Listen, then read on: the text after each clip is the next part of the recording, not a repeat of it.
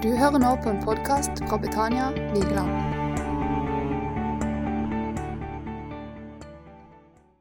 Jesus, nå takker vi deg for eh, du hjelper oss å dele ditt ord rett. Og så ber vi om ditt nærvær over hvert hjerte, så vi kan forstå det. I Jesu navn. Amen. Ja, det er jo eh, godt å komme i gang igjen. Jo, eh, det er jo ikke sånn at korona har jo vist oss at vi lever jo sjøl om vi ikke møter. Så Den hellige ånd eh, tar jo ikke ferie. Og han er i våre hjerter. Han bærer vårt liv. Så, eh, så eh, vi er bevart, og Herrens verk går fram, uavhengig av pandemier. Jeg ble spurt av Magnus om jeg kunne ha dåp som tema. Og det er jo kan vi si, et tema som eh, En av de temaene som er, er omdiskutert eller debattert helt fra apostlenes tid, fra kirkefedrene. De var ikke enige om om det var frelse eller ikke i selve dåpen. Så eh, jeg kommer jo til å begrunne hvorfor jeg tror på troendes dåp. Bibelen taler ikke om eh, voksendåp, at du må være voksen for å bli døpt, men du må være en troende, som vi skal se Eh, sist uke var jeg i Nord-Norge, oppe i Troms, hadde møter. Da eh, hadde vi dåpsmøte på lørdag, hvor det var et par unge gutter som ble døpt. Så det er interessant å se bakgrunnen for dåpen. Det er jo sånn at eh, Bibelen, Alle ser at Bibelen har to deler, Den gamle og Nytestamentet. Og I Den gamle testamentet så hadde Gud hovedsakelig består det av at Gud tok ut Israel og ga dem loven. Og det var en del ganske eh, strenge regler som de skulle prøve å holde.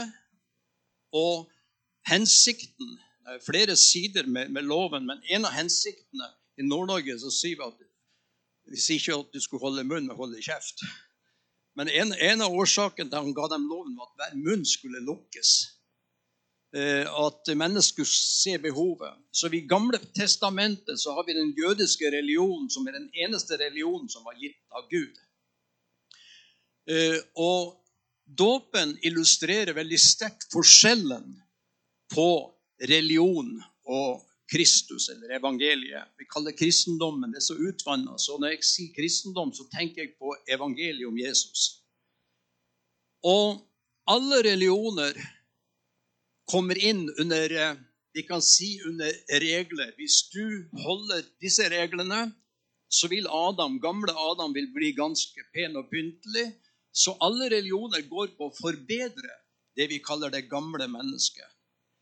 Så når Jesus kom inn i verden, så ser vi noe dramatisk skje.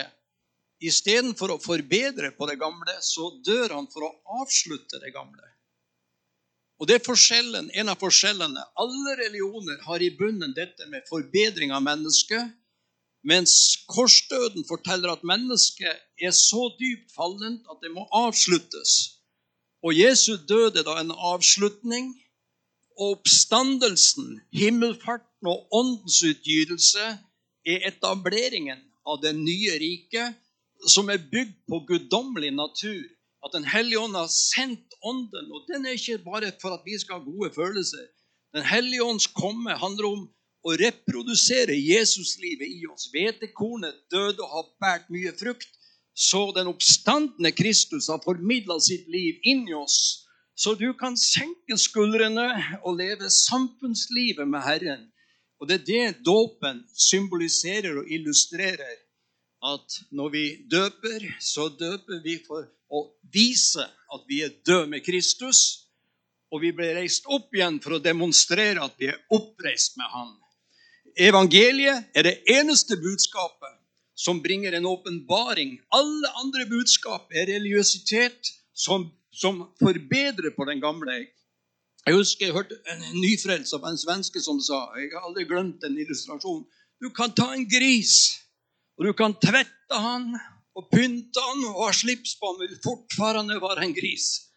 Og sånn er det. Du kan, du kan streve ved første benk i 70 år og prøve å få bedre på det sjøl. Men hvis ikke Den hellige ånd har åpenbart Kristus i ditt hjerte, så er det bare kjød. Så dette her, altså Bibelens to deler demonstrerer at vi trenger noe nytt fra himmelen. Mennesket må bli født på ny og gjenfødt. Så er da bakgrunnen. Nå kommer jeg helt ut av talen her. Men eh, skal vi gå inn på, på noen skriftsteder. Og det første tar utgangspunkt i eh, Philip og Hoffmann. Dere kjenner, som kjenner Bibelen, vet at eh, det var en eh, i apostgjerningene 8 en evangelist som heter Philip. Og han blir da av Herren satt i kontakt med en etiopisk hoffmann. Og han leser Esaias, det 53. kapitlet, som er veldig kjent. Og Jeg kommer til å ta tre bilder fra Gammeltestamentet som Nytestamentet kobler inn i dåpen, for å illustrere hva dåp er. Så når han eh, når han leser Esaias, så kommer Philip og spør skjønner det du, det du leser. Og da var det, Han såret for våre overtredelser, knust for våre misgjerninger osv., som dere kjenner. Da er det at, eh, at uh, Hoffmann sier at uh, her altså De kom til et sted hvor det var vann, og Hoffmann sa, 'Her er vann. Hva er til hinder for at jeg kan bli døpt?' Og da svarer Philip, 'Tror du av hele ditt hjerte, så kan det skje.' Så ut fra dette så forkynner vi troendes dåp. Altså tror du av hjertet, med hjertetro. Det betyr Altså med hjertet tror vi. Det betyr ikke at vi aksepterer at det var en som heter Jesus, en historisk person som vi tror har levd. Men hjertetro betyr tillit til at det var han som døde. Tillit til at han døde for deg og meg. Altså, Tro er ikke det samme som å akseptere akademisk. Jo, det er sikkert slik. En person som heter Jesus. Men du har sett hele din lit til at det han gjorde på Golgata, er grunnen for hele din frelse. Amen. Det er tillitstro. Tror du at det kan skje? Og så svarer han, 'Jeg tror at Jesus Kristus er Guds sønn.' Han hadde fått undervisning av Philip at det var Jesus i Esaias 53 det var tale om. Eh, som jeg nevnte her i sted, så Kirkehistorien eh, var en eh, som heter Tertulian, altså en, en, Vi kaller det kirkefedre. og Når jeg leser det de skriver av og til, så, jeg, så vil jeg kalle dem kirkebabyer. For, for det mye av det de sa, var veldig rart. En av de som regnes for å være de fremste, en som heter Irenius. Han var biskop i Frankrike, Lyon. Han sa at Jesus var 50 år gammel når han gikk inn i tjeneste. Så de sa mye rart. Men denne Tertulian han hevda han, han var født i, i, år 160 etter Kristus. Og han sier verken Jesus eller apostlene taler om barnedåp, altså spedbarnsdåp. Men så kom en som heter Augustin. Jeg vet ikke om dere har hørt om han? Men Augustin levde da fra 354 til 430. Han ble da, og etter hvert så hadde kirken blitt statsreligion under Romerriket.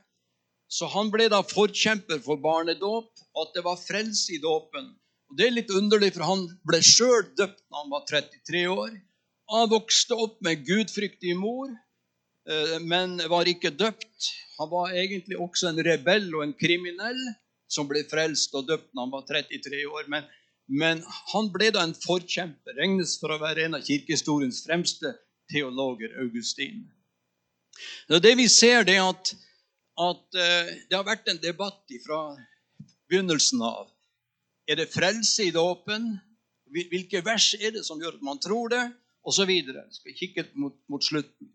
Så jeg har tre skriftsteder i Gammeltestamentet som Nytestamentet illustrerer dåpen. Og det er Jeho, eh, Jesaja 53, Noas ark og Israels utgang fra Egypt.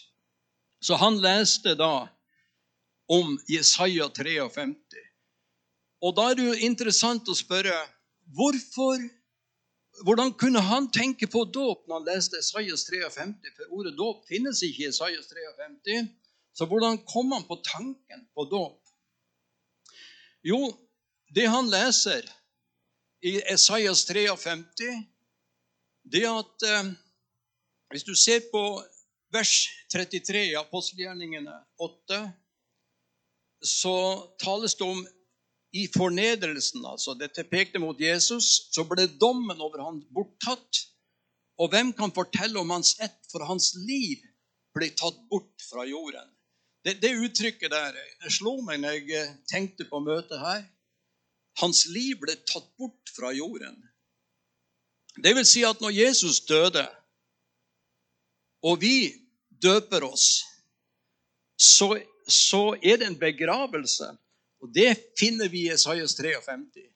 Altså, i dåpen så dukker vi dem helt under for å illustrere at ditt gamle liv er tatt bort fra jorden. I, i Kristi død så er du identifisert. Ved troen er du identifisert med Han. Så når vi er, er obs på at det må være full neddykkelse, så illustrerer det at jeg og du forsvant. Amen. Det er veldig viktig. Så Jeg husker da jeg var nyfrelst, og jeg ble døpt i Horten. Det var på 70-tallet. Da var det en som kom og sa nå må du huske på når fienden anklager deg, så må du fortelle han at han kjenner ikke jeg, for han forsvant i dåpskummen i Horten. Hans liv ble tatt bort fra jorden. Så det er noe av kraften i evangeliet det at vi er avslutta i Jesu død, og ved at vi lar oss begrave, så illustrerer det på en veldig fin måte at det er game over for oss. Det er ute med oss. Så vi må reises opp og bli gjenfødt. Det var en, eh, Jeg leste om en, på en misjonsstasjon i Afrika.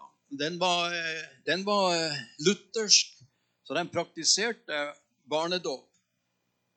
Men så var det en av som jobba på stasjonen, han var troende døpt. Av og til så hadde de samtale, litt debatt om dåpen. Og så hadde de jo noe dyr på, på, på misjonsstasjonen, og så døde den der gamle, kjekke hesten de hadde hatt. Og så fikk han, eh, han som trodde på troende dåp, han fikk, og, fikk arbeid med å begrave hesten.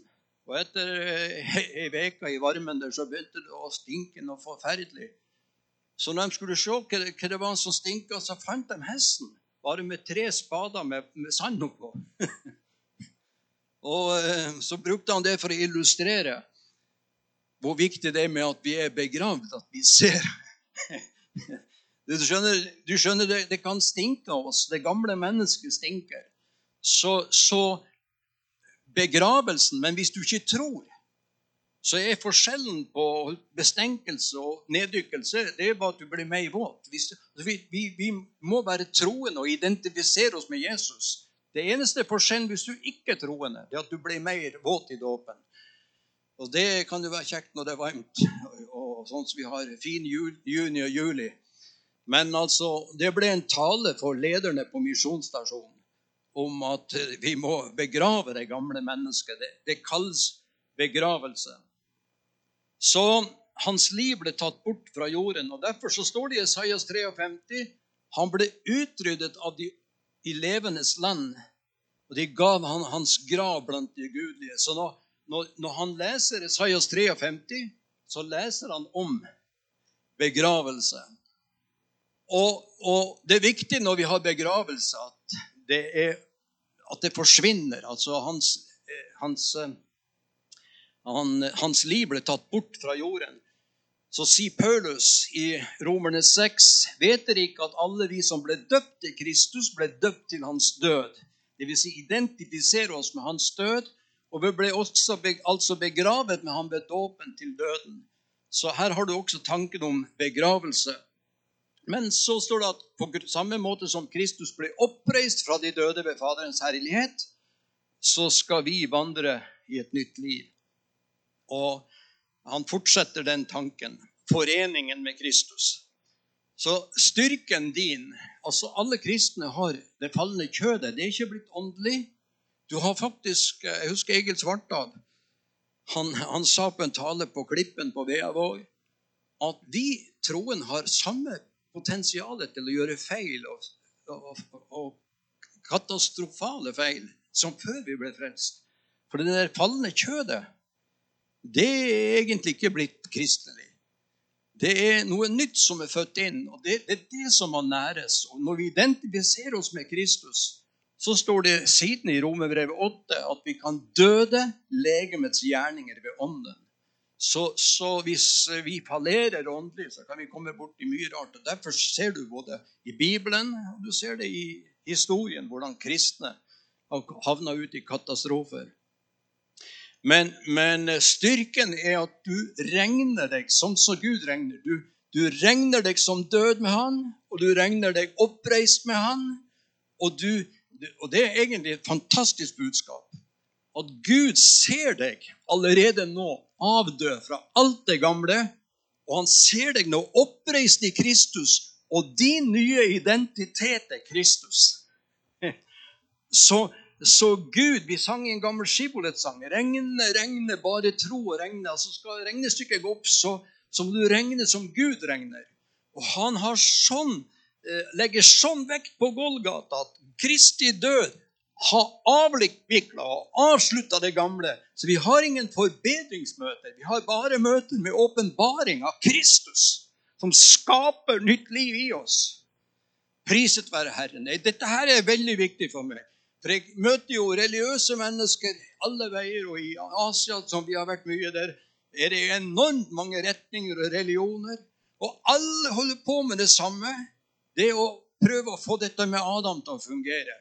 Men vi har gode nyheter. Paulus han taler om det gamle er forganget.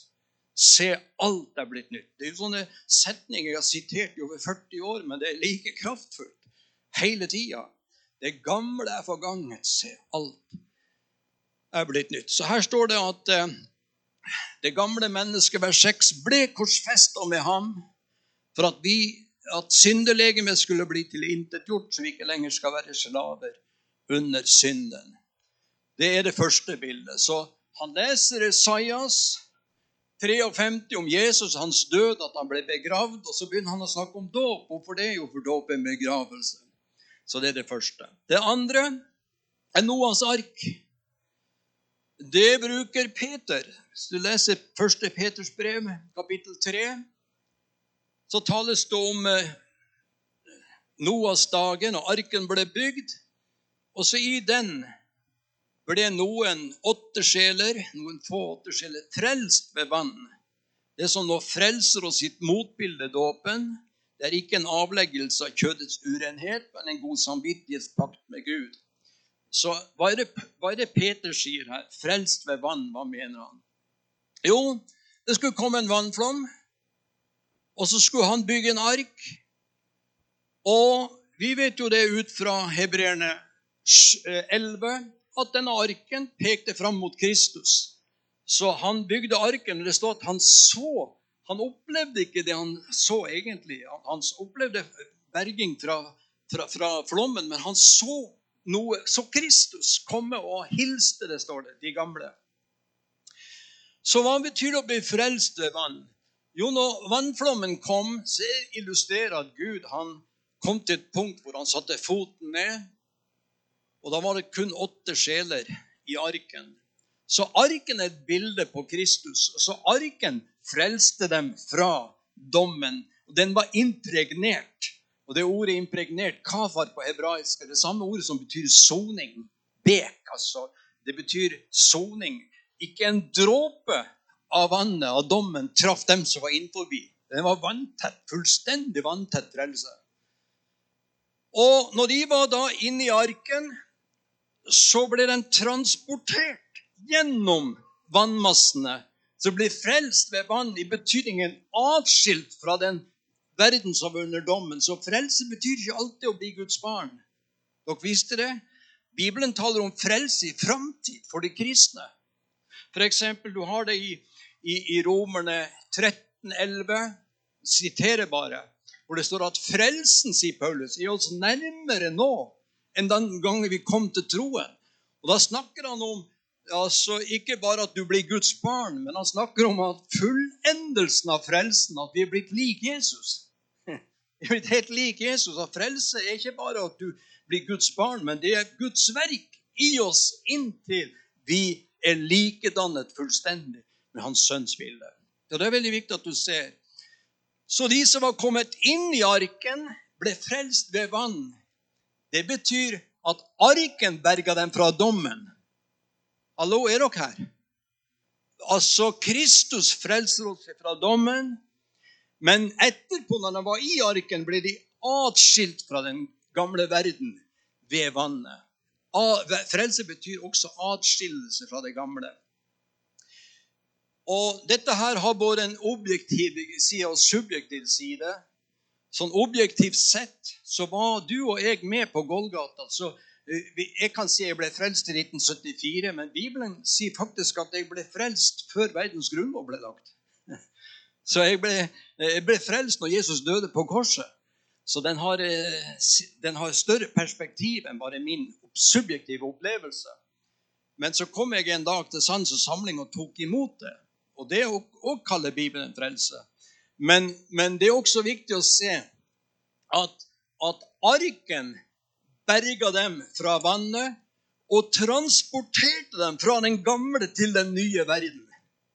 Nytestamentet betyr det at du er transportert fra en verden av kjød og Adam og inn i Kristus og oppstandelseslivet.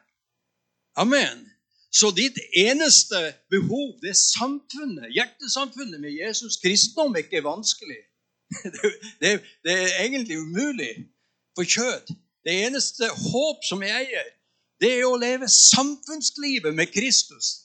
Så du må passe på ditt hjerte over alt, som, alt du holder på med. Så pass på ditt hjerte, for ut fra det går livet. Så du skulle egentlig ikke tenke at du må ha tusen aktiviteter for å vise at du er, er troen at du er brennende. Du skulle, ha, du skulle, synge og leke mye i ditt hjerte for Herren i hverdagslivet. Syng og lek mye, for da utløses det guddommelige livet i det. Men så har det det vi kaller en subjektiv side vannflommen På samme måte som vannflommen kom over verden da, så ligger verden i det vonde, og det flommer over av alt mulig. Det kan flomme over av narkotika, umoral, alt mulig som flommer over. Og da er frelsen ikke bare noe historisk som skjedde den gang, men jeg er i arken. Så disse negative, ødeleggende kreftene i denne verden ligger i det vonde ved at jeg lot meg døpe, illustrerer det at jeg er flytta ut. Jeg hører ikke denne verden til. Jeg hører Kristus til, og jeg er flytta ut av det gamle og inn i det nye. Amen. Så kan, det, det, det, er viktig at du som mamma og pappa og, og barna dine at dere er i Kristus, slik at disse ødeleggende kreftene ikke får tak i den oppvoksende slekt. Barnearbeid hørte vi er viktig fordi fordi at eh, det som skjer i de første 15-20 årene, former veldig mye av livet. Så veldig mange er blitt frelst før. Noen Gud er jo nådig, så vi kan jo bli frelst. Jeg har bedt meg ei dame til frelse som var 103 år. Og jeg har bedt med en del 90-åringer på hjemmet. Og det er jo veldig interessant når de kommer og søker frelse når de er over 90. De, noen tror de er blitt dement, men så har de klare øyeblikk. Så det er jo fantastisk. Så frelst ved vann her betyr ikke at de ble Guds barn. De var allerede i arken. Men etterpå de kom inn i arken, så ble de atskilt fra det gamle. Er dere her? Amen. Så eh, Vannet skilte dem fra verden. Jesus gikk gjennom dommen, og vi var i Han på Golgata. Men vi er også i Kristus nå, som bærer oss gjennom de kreftene som ødelegger. Den tredje illustrasjonen fra Gammeltestamentet det er Israels utgang fra Egypt. Og Da sier Paulus at han vil ikke, brødre, at dere skal være uvitende om at våre fedre var alle under skyen og gikk alle gjennom havet. Alle ble døpt til Moses i skyen og i havet.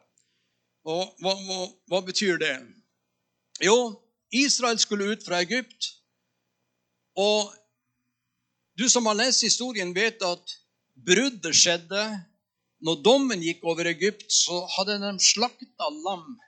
I hvert hus hadde slakta et lam, så blodet Når jeg ser blodet, går jeg dere forbi. Så blodet og troen kom før dåpen.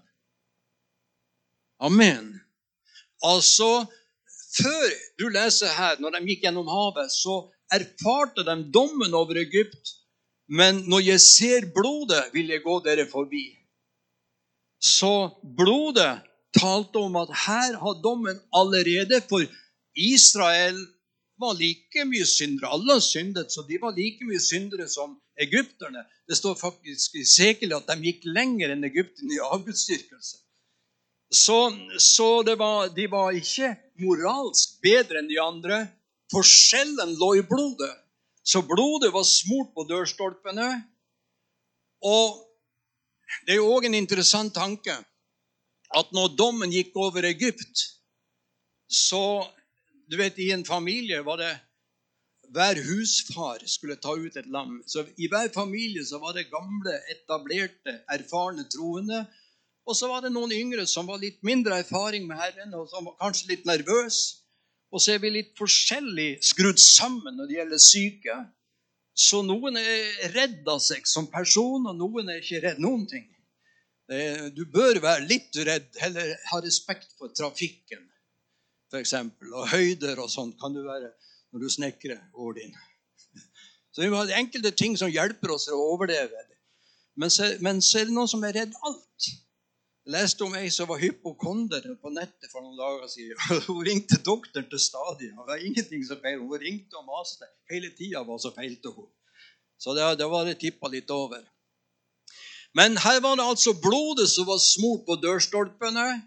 Så tryggheten lå ikke i nervesystemet og psyken, men den lå i blodet. Den var like trygg. Alle familiemedlemmer var like trygge, fordi frelsen ligger ikke i psyken, den ligger i blodet.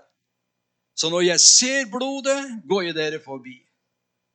Det er på påske, passover. Amen. Og hva skulle skje etterpå? Jo, egypterne kom og ville ha dem tilbake. Farao han var jo, vingla jo litt, så han ga litt etter når han var under presset fra Herren. Og så når han kom seg igjen etter hver prøvelse, så ombestemte han seg. Så han prøvde å få Israel tilbake. Og på samme måte så når du har sagt ja til Jesus, er det krefter som vil ha deg tilbake til det gamle livet. Og da skulle den gå gjennom havet, så skystøtten kom over dem, og vannet Den ble døpt i ånden og i vann. Så når egypterne fulgte etter, så vet vi hva som skjedde. Israel kom opp på den andre sida, og egypterne ble begravd. Det illustrerer at de kreftene som vil ha deg tilbake, de er beseira. De, de er begravd, de kreftene. Men også at det gamle egyptiske livet vårt er begravd med Kristus. Så det er det nye skaperverk, det nye folket, som står opp på den andre sida. Det illustrerer oppstandelsen. Så, så Paulus han knytter Israels utgang til dåpen. Og det er samme vitnesbyrdet hele tida. Først Frelse først. Tro på Jesus. Det er troendes dåp det handler om. Ikke, ikke automatisk frelse. Og jeg har lest litt hva Martin Luther skrev. Og det er faktisk interessant at Luther sier enkelte ganger rett ut at hvis du ikke har tro på Jesus, så er dåpen helt verdiløs. Det sier selv Luther. Det er jo det er interessant. Så det skjer jo ting gjennom kirkehistorien. Og da eh, ble de døpt i skyen. For da de skulle ut fra det gamle, så måtte de ha en ny tilknytning. De forlot det egyptiske livet, og ånden kom over dem for å knytte dem. Du, ikke, du går ikke rundt i et tomrom og et vakuum når du blir frelst. Du må ha en tilknytning. Og det, det er skystøtten kom over dem. Og det handler om at Den hellige ånd har knytta deg til den himmelske verden. Amen. Så når vi er ferdig her, så står det at vårt hjemland er i himlene. Så du, du har en himmel å vinne, og du har allerede pantet. Den hellige ånd Ja, en hellige ånd kan jeg vite det. Et godt bevis på at vi har ånden som pant, er at hvis du kan legge deg om kvelden og si 'Takk, kjære Jesus', det hadde vi ikke før vi ble frelst. Takk, Jesus, at jeg er din. Eller Si 'Abba, Fader'. Amen.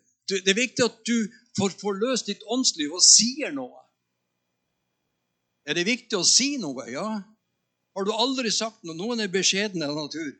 Altså, jeg vet det, også, det var det første. Jeg er nordlending, så vi er jo verdensberømt pga. vår beskjedenhet.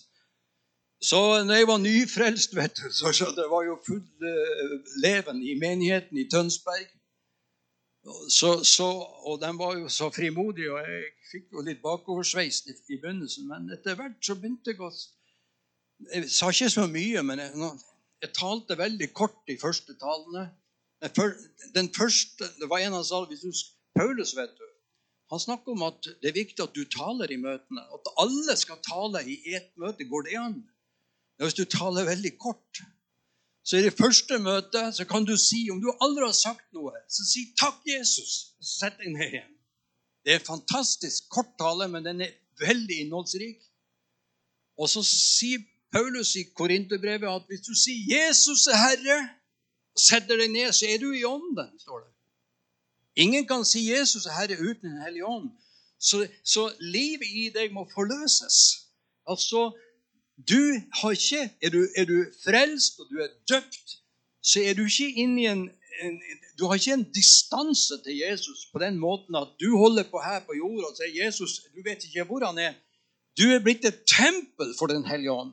Han har kommet ned og tatt bolig i deg, så du går rundt med skatten i leirkaret. Hele dagen kan du synge og leke for Herren i ditt hjerte. Og når du sier 'Takk, Jesus', Si takk, Jesus, så forløses livet. Men er vi stille, så lukkes det inne. Så, så Vi snakker om Jesus skal komme til. Men Jesus er i oss. Vi er Kristi legeme. Skal han bevege seg, så beveger han seg gjennom vår bevegelse. Noen går hele livet og venter på at Jesus skal gjøre noe, men når du taler, taler han. Når du beveger deg, beveger han seg. Når du handler, når du velsigner andre, så kommer Jesus ut gjennom ditt liv.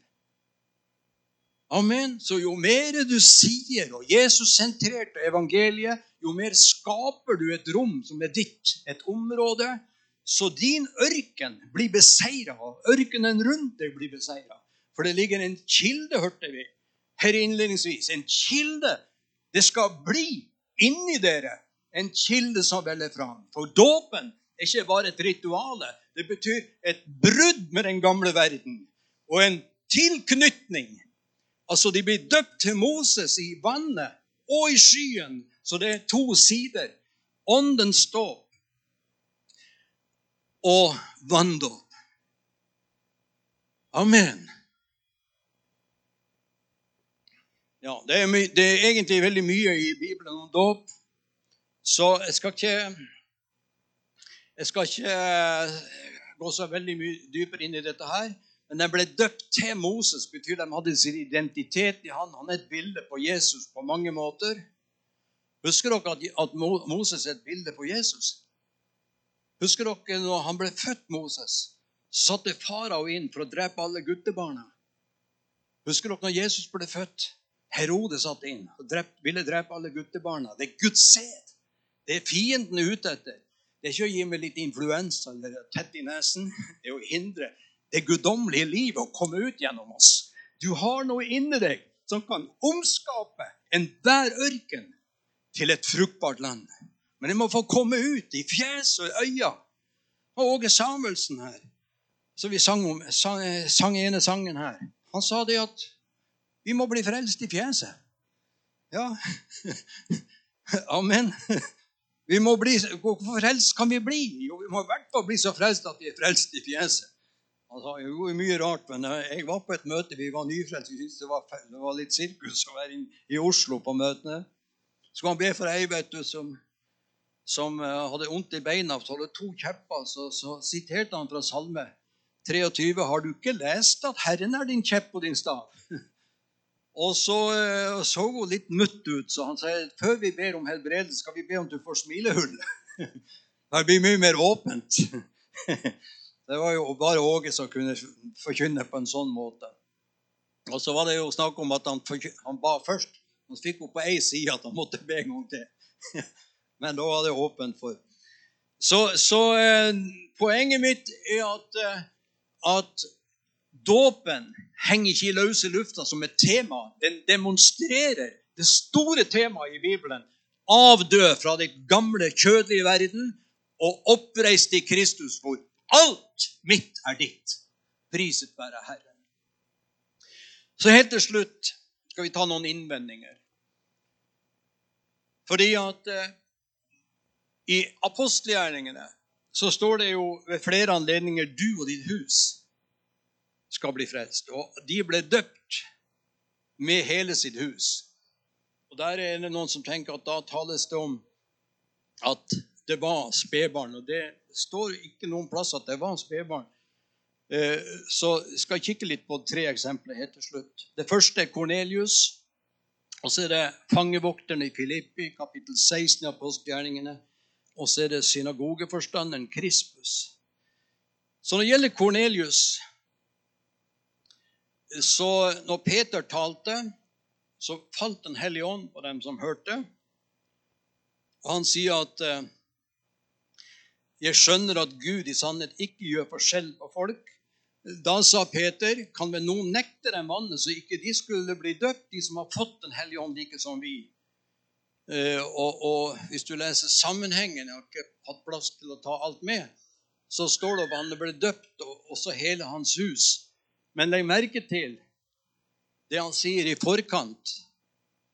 De, han bød at de skulle døpes, og så Hvorfor det? Jo, for de hadde fått Den hellige ånd. De var blitt frelst på forhånd. Så, så noen uh, tenker at du får Den hellige ånd i dåpen. Men, men ånden som pant får du ved troen på Jesus. Så her uh, ser vi òg troende stå opp. De hadde fått Den hellige ånd. Så har du fangevokteren i Filippi. Og så står det at uh, i vers 33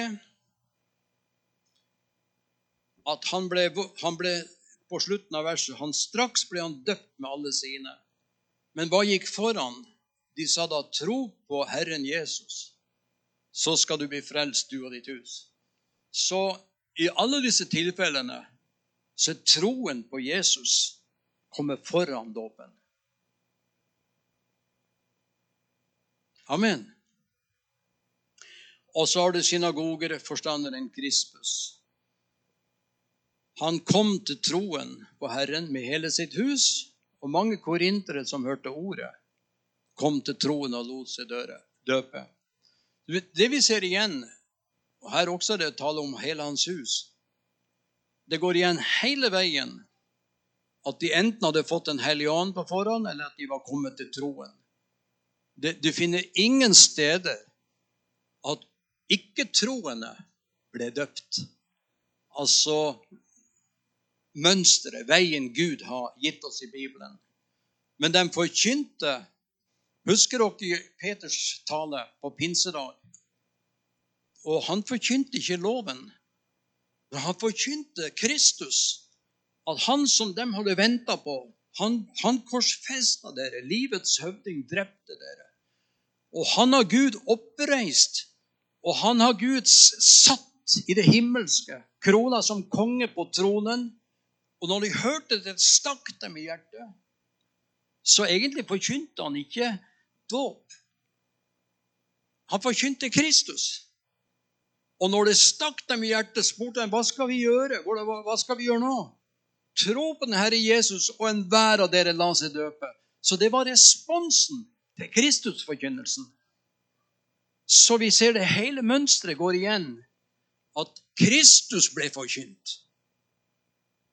Amen. Og dette her kjenner jeg når jeg står her nå, kjenner at Den hellige ånd maner meg til å, til å poengtere og fokusere at vi alle må fatte hva Kristi død, oppstandelse, opphøyelse på tronen egentlig betyr. Det betyr avviklingen av et helt univers av kjød. Oppstandelsen og himmelfarten taler om etableringen av et nytt univers kalt i Kristus hvor alt er ditt. Uten så mye som å løfte fingeren for å prestere. Nåde betyr at det er gave. Det er ikke av dere selv, det er Guds gave.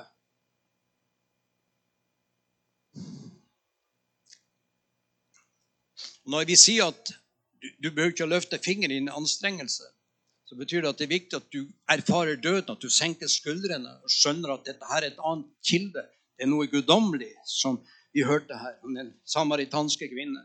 Noe guddommelig som er født inni oss. Priset være Herren. Og det nye er mektig til å ta knekken på det negative i vårt liv. Så Kristi legeme er egentlig ikke en kultur, er ikke noe vi kan melde oss inn i. Det er Gud formidla inn i hjerter. Og alle de troende tilhører menigheten og tilhører Kristus. Halleluja. Vel, det jeg har prøvd å poengtere nå Jeg vet ikke om noen forsto noe av det. En stund siden jeg har talt om dåp. Eh, men det er ikke opplagt for alle, fordi vi eh, vil gjerne være kjekke og greie og ha fred og ro, så vi vil ikke provosere folk. Men det er veldig viktig at vi, at vi forstår eh, dåpens betydning. At den demonstrerer på en måte hele evangeliet. At den gamle verden begraves, og vi er oppstått i et, en ny sfære, i et nytt liv så vil vi velsigne alle kristne og be for alle som ikke ser det likt, at de må få hjertets opplyste øyne. Og Det er en sterkt våpen. Og fin anklager, så kan du avvise han. Han kjenner du ikke, for han, du var i begravelsen. og Da var det game over for han. Så han er et nytt skaperverk i Kristus. Vi takker deg, Jesus, for uh, evangeliet, og at frelse er ingen ritualer vi kan gå gjennom for å bli frelst at det er du som er vår frelser. Så nå er det relasjonen til deg som teller. Takk skal du ha, Jesus, for ditt nærvær. Nå ber jeg om at alle her i formiddag kan gå ut med et hjerte fylt av sang over at vi er allerede avdøde deg og reist opp i det nye. Om noen skulle ha tenkt på dåp og ikke kommet dit hen at man har utført eller adlydt ditt uh, befaling, så ber vi om at noen får nåde i formiddag til å følge deg også her. I Jesu navn. Amen.